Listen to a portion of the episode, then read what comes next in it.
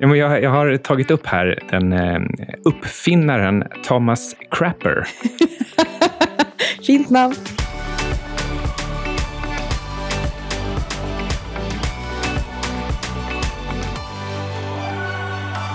Hej Micke. Hej Anna! Du är i, i Marbella. Jajamän, jag är... eh, Det ger lite extra utmaning för vår eminente klippare Alexander Marton. Exakt, men han brukar faktiskt kunna lösa det här utan problem, så det löser sig ändå tror jag. Mm. Vad gör du i Marbella? Jag- Igen? Någon av oss måste ju faktiskt driva det här lilla bolaget som vi har och det här andra bolaget som vi håller på att starta. Så eh, jag är här på lite möten, eh, ska hälsa på en av våra investeringar också i Malaga. Eh, men eh, mest är jag väl kanske här också för att förbereda inför ett möte som jag ska ha i Stockholm i slutet på mars. Så det är mycket fokus på eh, lite olika investeringsstrategier och sådär. Så igår passade jag på att käka en never-ending lunch med din gamla chef. Ja, och eh, vi ska ju prata om just investeringar idag också. Eh, bland annat om eh, Tesla som som vanligt kan man säga sitter lite brunt till. Ja, ja, och vi ska ju faktiskt jämföra Tesla med ett annat tillväxt-case som vi båda är definitivt mer positiva till. Mm. Ja, jag, jag har tagit upp här den eh, uppfinnaren Thomas Crapper. Eh, och eh, eh, han genomförde en hel del förbättringar på toaletten för Ja. mycket länge sedan. Och, det, och en del har ju fått för sig att, att det är hans namn som har gett upphov till crap, som betyder skita. Tack för att du klargjorde det. Ja, men så är det ju faktiskt inte alls det. Det här är ju faktiskt viktigt när vi pratar om hur Tesla ligger till. Och, och, utan, utan hans namn och själva ordet crap, det kommer från eh, både holländska och franska, riktigt gamla ord. Så faktum är att hans namn Mm. när han levde och utförde sina, sina gärningar i toalettbranschen Ja. var, han hette Thomas Skitaren. Ja, nice. Det är ändå, jag är ändå glad att jag heter Svan och inte Crapper då. Mm. Och sen, det finns en liten koppling här faktiskt. Mm. Och det är att när vi ändå ska prata om Tesla, Så kan vi prata om ett annat bluffbolag. Ja, nej så här, Tesla, precis. Tesla sysslar ju mest med bedrägerier och det dröjer liksom innan, innan, man, innan man vet var de slutar någonstans. Och det är precis som ett Theranos, fast bara mycket större och, och mycket mer eh, rök och speglar. Mm. Och Theranos, som ju hade den här bluffprodukten där de skulle mäta massa saker i en droppe blod. Vi diskuterade faktiskt det här igår. Ja. Ja, tänk om de istället hade satsat på att mäta produkter i avföring i toaletter. Mm. Det här är ju någonting som bland annat, bland annat Bill Gates är inblandad i nu. Att både återvinna produkterna i toaletten och mäta hälsomarkörer där. Mm. Det här är ju någonting Theranos skulle gjort. Då har man dessutom mycket större massa att mäta på. Då får man inte det här problemet med Nej. att man bara ska ha en droppe blod. Så där hade jag räddat Theranos. Mm, det är lite sent nu, men innan vi eh, kör igång då så eh, kanske vi eh, ska säga lite tack till Nordic Gold Trade. Ja, vi, eh, vi kommer ju prata om lönsamhet och eh, tillväxt, men för att man ska kunna dra nytta av sån här lönsamhet och tillväxt, då måste man ju ha pengar kvar. Så det gäller att ha lite guld som försäkring först. Exakt, så vi, och vi träffade ju faktiskt eh, Michel Ruffli som startade Nordic Gold Trade för några veckor sedan och då gjorde vi en bonusintervju med honom som ni hittar i vår vanliga kanal. Och eh, där pratar vi bland annat om skillnaden mellan investeringsguld och guld som används i smycken, förvaring av sitt fysiska guld, hur processen för framtagande av guld ser ut. Mm, precis, och på tal om den här processen så pratar vi också bland annat om fair trade-guld, det vill säga om guldet tas fram på ett, eh, ett etiskt och ekologiskt hållbart sätt. Och det pratade vi om med Erik Strand i en annan bonusintervju. Jajamän. Hur som helst så Nordic Gold Trade kan alltså hjälpa den som är intresserad av att köpa fysisk guld på ett smidigt sätt och hjälper också till då med eh, hanteringen av det. Mm, så gå in på www.nordicgoldtrade.com om du vill veta mer. Tack NGT och Michel Ruffli. Vi hade ju lite problem när vi skulle flyga hit. Ja, med, eh, ni, ni flyger med Norwegian Ja. och skulle, ni skulle ha flugit med en 737 Max 8, eller hur? Ja, exakt. Mm, och det här tas, tar vi väl egentligen upp då, för att det senaste veckan så har det varit en del konstiga rörelser. Alltså dels när det här kom så föll Norwegian inte i kurs, Nej. trots att det skulle kunna säkert motsvara 10 procent av deras market cap. Mm. Och, och de lyckas hålla emot bara på att de sa att vi kommer skicka räkningen till Boeing. Ja. Ja, jag vet inte om det är självklart att Boeing betalar sådana här eh, liksom extra kostnader för att eh, någon annan tar ett beslut i lite, lite så diskretionärt i olika länder för hur vi, huruvida de får flyga eller inte. Exakt. Och, men, men, men, men, men där var ju marknaden väldigt förlåtande mot Norwegians situation. Men de är ju ännu mer förlåtande mot Boeings situation, vilket är skitmärkligt, kan mm, jag tycka. Precis. Kommer de, kommer de betala för det här eller inte? Och kommer de här planen ställa till med problem eller inte? Ja. Och, och, nu hanteras det som att eh, det är noll sannolikhet att det blir några problem alls. På tal om konstiga kursreaktioner så släppte ju H&M försäljningssiffror i fredags som kom in i linje med förväntan och ändå föll aktiekursen med 5% initialt. Jag har inte kollat på vad den står idag. Den har säkert återhämtat sig. Men det som jag reagerar på var att så fort H&M släpper en skitdålig rapport så, går aktiekursen upp 7% Men släpper de något som är i linje med förväntningarna, då sjunker aktien. Alltså det, H&M kan vara det ett exempel på den minst effektiva marknaden någonsin. Men vad är det för personer som handlar det här bolaget? Men det är också lite symptomatiskt för hela marknaden under eh, de senaste åren. Ja. Det är liksom som att eh, det är inte längre normala, riktiga, levande personer som gör en analys och funderar över vad saker och ting betyder, utan det är, det är algos som känner efter var det skulle vara jobbigast och konstigast om kursen rörde sig ja. på kort sikt.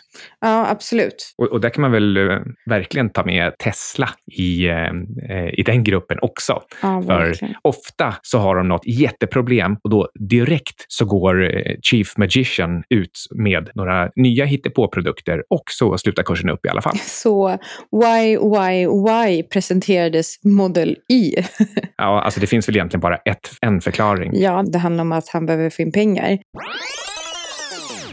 Ja, alltså det finns väl egentligen bara ett, en förklaring. Ah, du tänkte så. Jag tänkte att han ville komplettera den här sexy, alltså modell S, modell 3, bakvänt blir E, och så modell X och så modell Y. Så att det blir, till slut har han fått ihop det där. Dels det, men jag tror också att eh, det handlar om att han behöver få in pengar. Både eventuellt att han skulle kunna ta massa förhandsbeställningar, vilket han har gjort nu.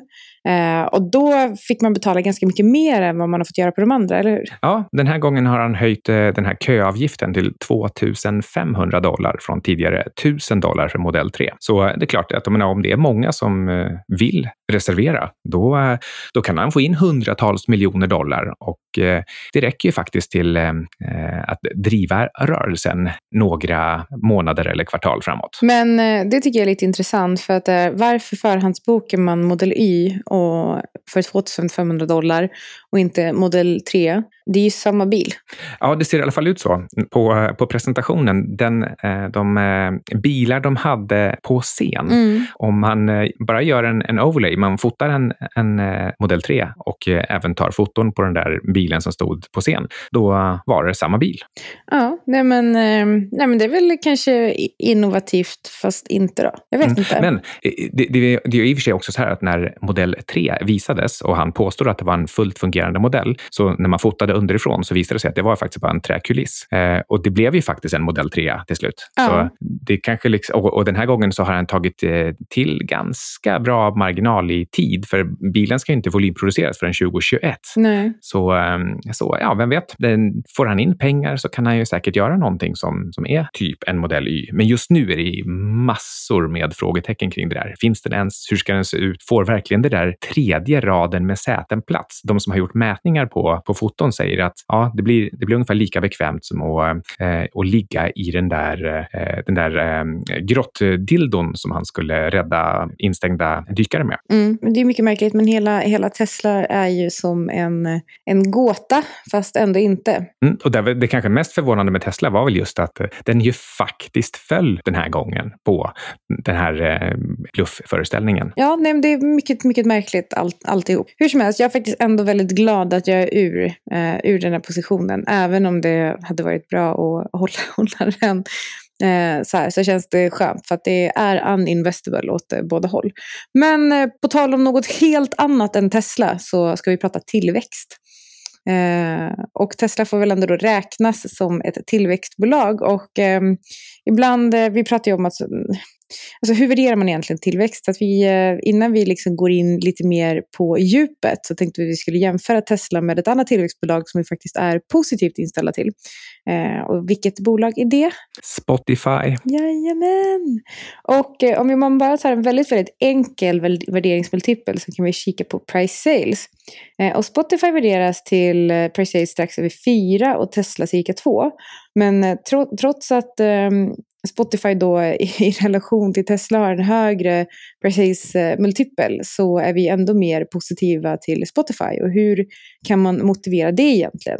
Ja, det är förstås eh, prognoser om framtiden och då är då frågan mest vad är sannolikt i de här två olika fallen att de kan göra dels för försäljning och dels för vinster. Och, och det är på båda parametrarna så bedömer jag att Tesla ligger mycket, mycket sämre till. För det första så ska ju Tesla försöka bocka en massa plåt, precis som andra biltillverkare mm. och, och, eh, och lyckas få en marginal på det här. Och hittills har ju Tesla aldrig lyckats göra vinst. Eh, något enstaka kvartal, men eh, där är det ju verkligen frågan hur mycket som är redovisningstricks. Men de har åtminstone aldrig gjort vinst på ett helår. Så frågan är, kommer de någonsin lyckas göra det? Mm. Och på den andra punkten så finns det också goda skäl att tro att, att Tesla faktiskt inte längre växer. De kanske har faktiskt redovisat sitt största kvartal de någonsin kommer producera. Exakt. Eh, och det baseras bland annat på att nu har, börjar de ha gamla bilmodeller. S och X är liksom riktigt förlegade, särskilt jämfört med de nya konkurrenterna som kommer. Mm. Och, eh,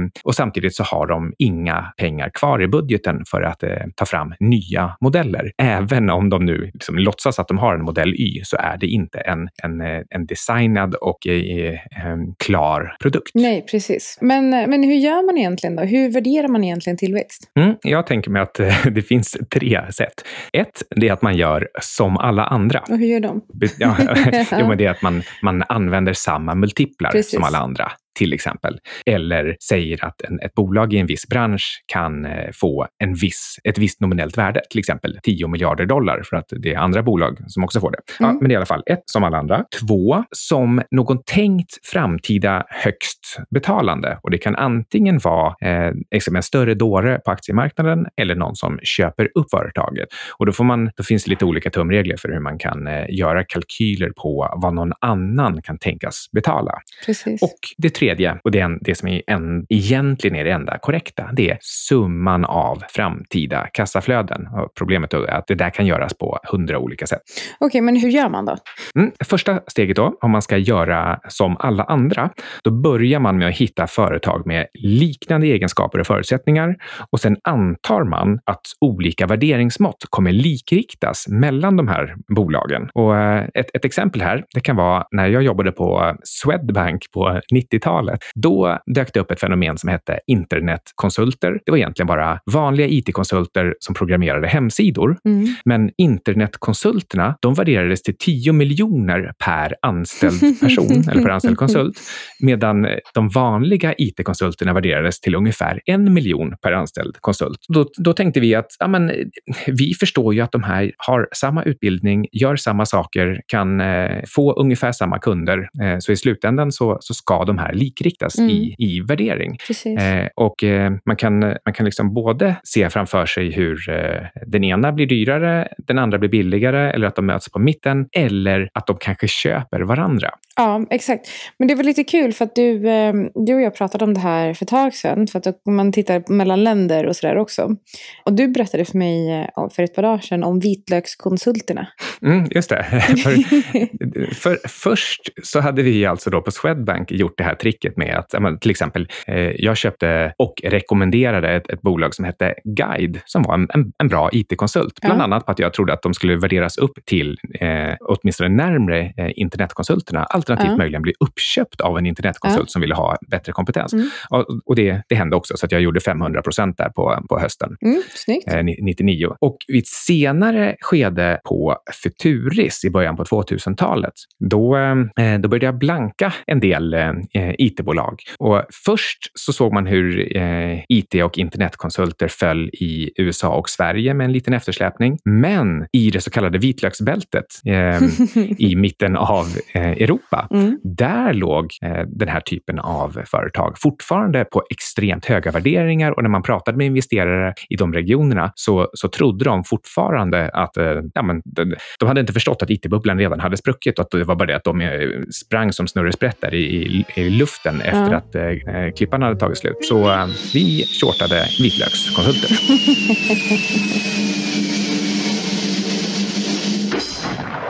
Men om man tänker sig eh, uppköp då, så oavsett om något växer eller står stilla så är det ändå vid tidens ände så att värdet eh, företaget skapar hamnar hos ägarna. Och de vill ju ha tillbaka minst lika mycket som de betalar från början. Det är faktiskt därför som vi investerar i bolag. Eh, vi, vi köper ju något idag för att vi förväntar oss ett framtida kassaflöde. Ja, men pre- precis. Och en, en del eh, försöker hävda att ja, men, man, man värderar saker på potential. Ja, det gör man. Men den här potentialen, den måste förr eller senare också infrias. Har jag betalat 10 kronor, då vill jag ha tillbaka 11 kronor. Annars så, så ger jag upp förr eller senare. Eller så har jag helt enkelt gjort en dålig investering. Ja, och, eh, men det känns som att folk säger att eh, man, köper, man köper potential för att de inte vet hur man värderar bolag. Jag menar, det är ju som, det är de som köper Tilray idag. Om de skulle säga att ah, men, eh, jag, kö, jag köper potential, ja, fast du, du säger också att du köper ett bolag med hög potential för att du tror att de kan växa in i eh, liksom, sin värderingsmultipel om 250 gånger sales. Det är ju inte seriöst. Då vet du inte hur man gör en värdering. Alltså, du vet ju inte hur man värderar bolag. Nej, alltså det är ju väldigt lätt att alltid bara säga att ja, men det, det är hög potential, så den, den ska nog gå upp 10 procent till. Alltså, det är jättehög potential i alla, i så- alla bolag. Så, liksom. ja, så säger man det igen, att ja. Ja. men det är hög potential, så den ska upp 10% till. Och så säger man så. Och det var ju precis Mm. vad som hände i Fingerprint. Till Ja, exempel. men Vare- exakt. Varenda ny dag eller vecka så sa man det, det är hög potential.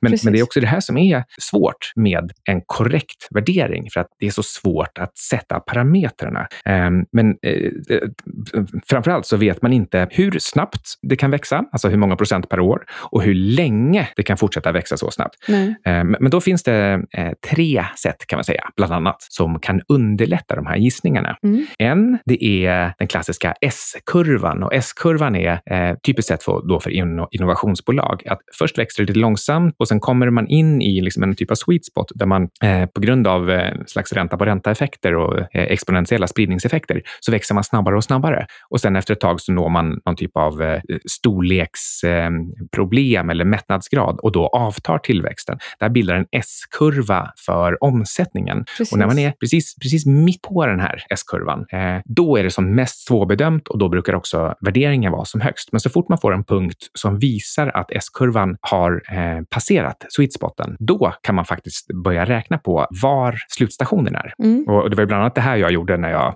när jag blev extremt negativ till, eh, Till Fingerprint. till eh, Fingerprint i, i ett liksom, ja, tidigt skede. Men jag trodde att du var det bara för jävlas med alla som var positiva. Nej, jag gjorde det för att försöka rädda alla. Ja, jag vet. I was trying to save lives. Ha, en, ett, annat, ett annat exempel är att man tittar på hur snabbt och länge har bolag vuxit förr i tiden. Alltså hur, och framförallt då kan man titta på både de bästa och de med snitt så att man inte antar att just det bolag man själv har hittat plötsligt ska bli det bästa företaget på att växa någonsin i historien. Så eh, titta på hur Cisco och Microsoft och Ericsson och Nokia, titta hur snabbt och hur länge växte de under liksom sina 10-20 års Mm. glansdagar. Mm. Så, och så ska du nog helst inte anta, i alla fall inte som base case, Nej. att ditt företag kan växa fortare och längre tid än så. Exakt. Och finns det, något, eh, finns det ytterligare något sätt då? Mm, man brukar prata om total available market. Det här har ju blivit populärt för eh, tillväxtbolag liksom Ja. i, i, på toppen av, eh, av högkonjunkturer. Framförallt för att det är så svårt att motivera högre värden och då, Ja, då försöker man men- bara hitta på en sak. Men så är det verkligen varje gång eh, jag eller du och jag träffar en startup som vi kanske ska investera i så pratar de alltid om så här stor är den totala marknaden och så tror folk att de ska kunna ta 30 procent av den. För att de tycker att de är ganska tidiga. Eh, Så att, eh, och det, det här gör de ju bara för att kunna liksom sälja delar i sitt bolag till en hög värdering. Ja. Så verkligen. Ja, det, det, det är ett nytt sätt att formulera den gamla klassiska, ja men om en procent av kineserna köper och så, så har, man, har man sin Ja. produkt. Ja, exakt. Men, eh, men under tillväxtfasen så kan ju lönsamheten och kassaflödet se helt annorlunda ut än i ett mer stabilt läge. Man vet ju liksom inte vilka vinster som man kan räkna med i framtiden även om man får rätt på sales. Eh, så man vet liksom inte vilka marginaler eller vilken avkastning det brukar bli i olika branscher och det är liksom svårare att gissa framtida lönsamhet i nya eller svårkategoriserade branscher.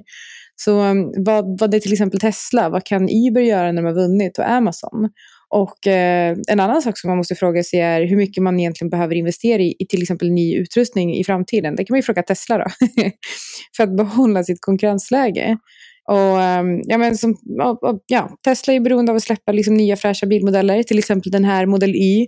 Eh, och då måste de också uppgradera sina fabriker. Då kanske det inte funkar att liksom tillverka bilar i tält. Jag vet inte. Nej, precis. Det, det låter, låter på en del bedömare av Tesla som att de, eh, de tror att det bara är att rita en ny bilmodell i, eh, i sin eh, programvara och sen mm. behöver man inte bygga någon fabrik eller köpa nya, nya verktyg eller något. Jag, jag såg en, det var någon insider på Tesla nyligen som fick frågan hur flexibla är era produktionslinor om man vill ställa om till en ny mm. bilmodell? Mm. Ja, ungefär lika flexibla som cement. och, eh, och jag menar, hur mycket kassaflöde binds i fordringar när man växer? Man kanske bara ska göra som Tesla och ta in bokningsavgifter. Det är genialiskt. Ja, det är genialiskt om, ja, om kunderna går med på det. så, så, så, så, där är ju faktiskt, alltså, Tesla har, eller framförallt Elon Musk, har ju några fördelar. Han är ju fantastisk på att eh, liksom, eh, exaltera sina fans så att de, mm. de ger honom pengar gratis. De kanske till och med betalar med ett kreditkort som har 18 procents ränta mm. eh, och så sitter han på pengarna gratis och kan använda dem för att eh, ja, men kanske faktiskt bygga en fabrik och sen möjligen leverera bilarna i slutändan. Så, så eh, har man den typen av karismatisk vd som, som ja, verkar vara eh, oåtkomlig vad han än gör för någonting. Han landar så, eh, alltid på ja, fötterna. Det, han är som en katt. Det, det, det, finns ett värde där, men mm. eh, jag, jag tror ju fortfarande att det här helt enkelt bara är ett Theranos gånger tio. Och de, vadå, de har ju samma personer i styrelsen. Så att... Så jag menar, ja, nej, men, alla tecken ja. finns ju där. Men okej, okay. men uh, hur stort tålamod ja, ska man ha med svagt kassaflöde då? Och låga vinstmar vinstmarginaler? Uh, ja, alltså hur långt är ett snöre?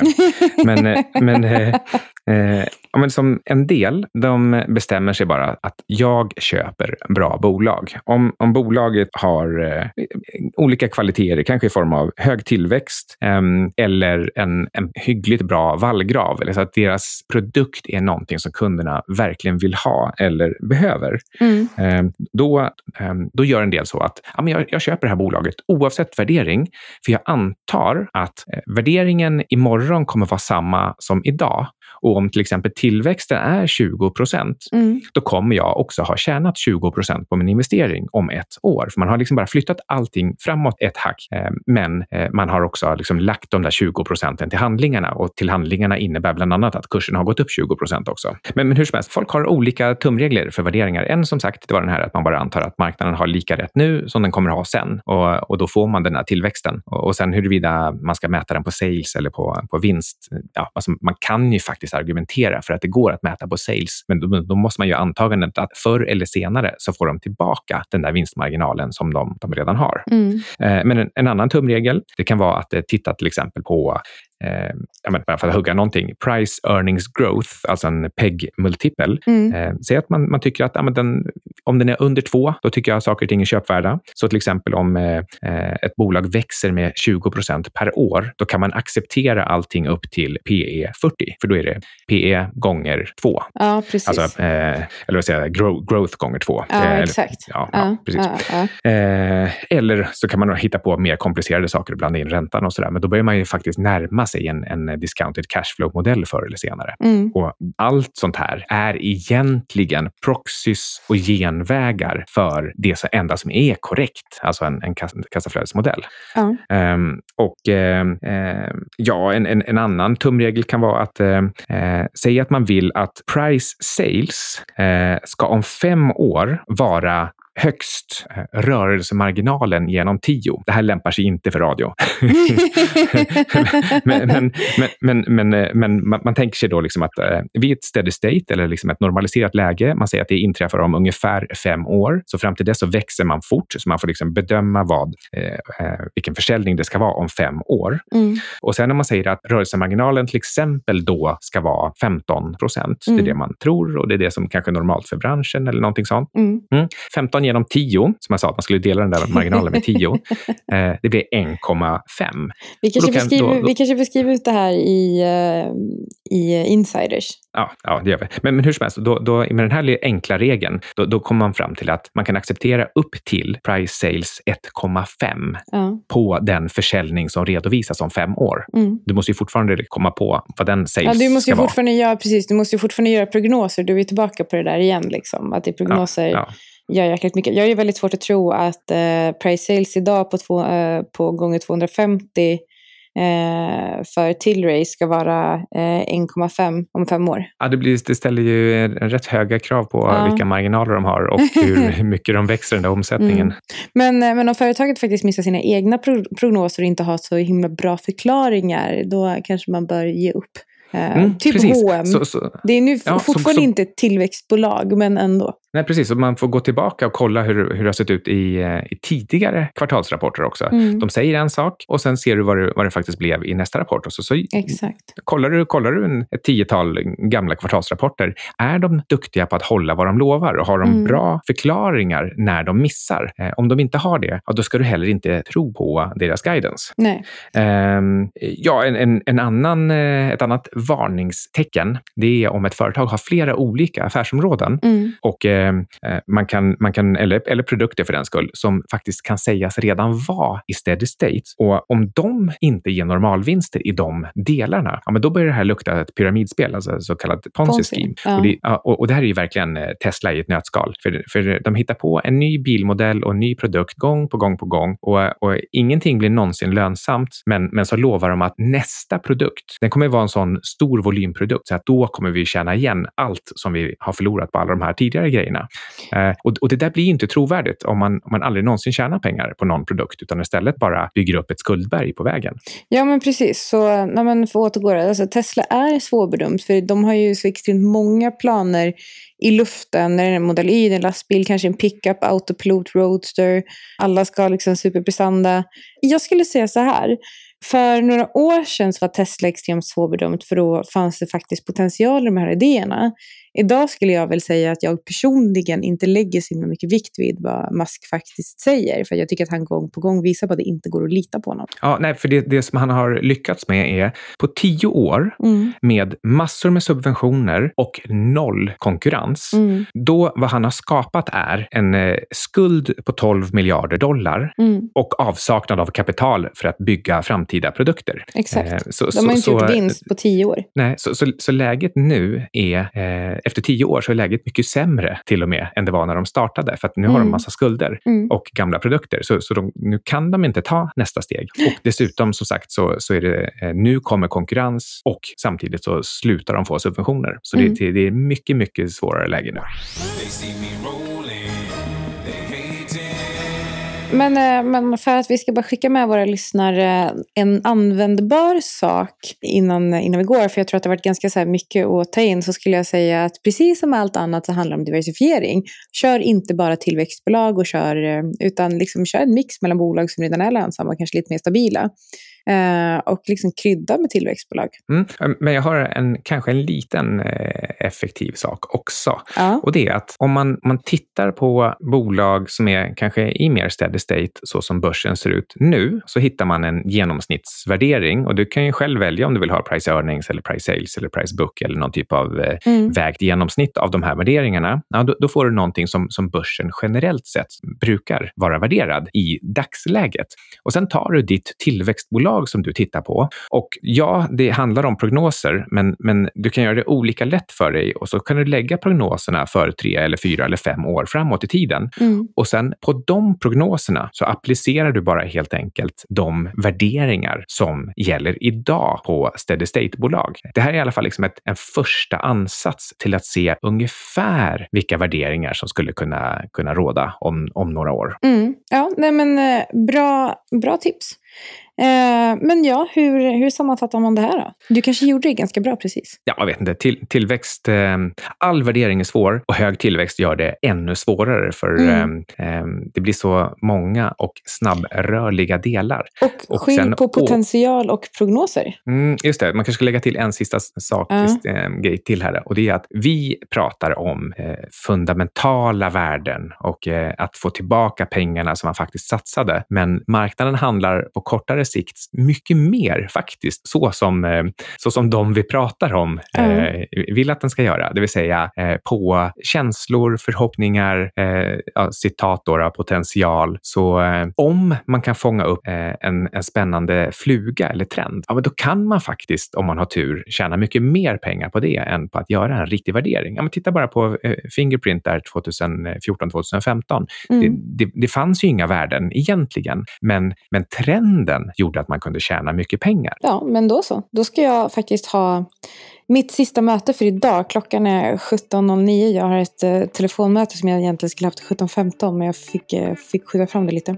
Eh, vi ska branda Cygnus faktiskt. Så det ska bli kul. Ja, spännande. Men vad bra. Då, då har du lyssnat på Outsiders med Syding och Fröken Svan. tack Alex Marton. Hej då.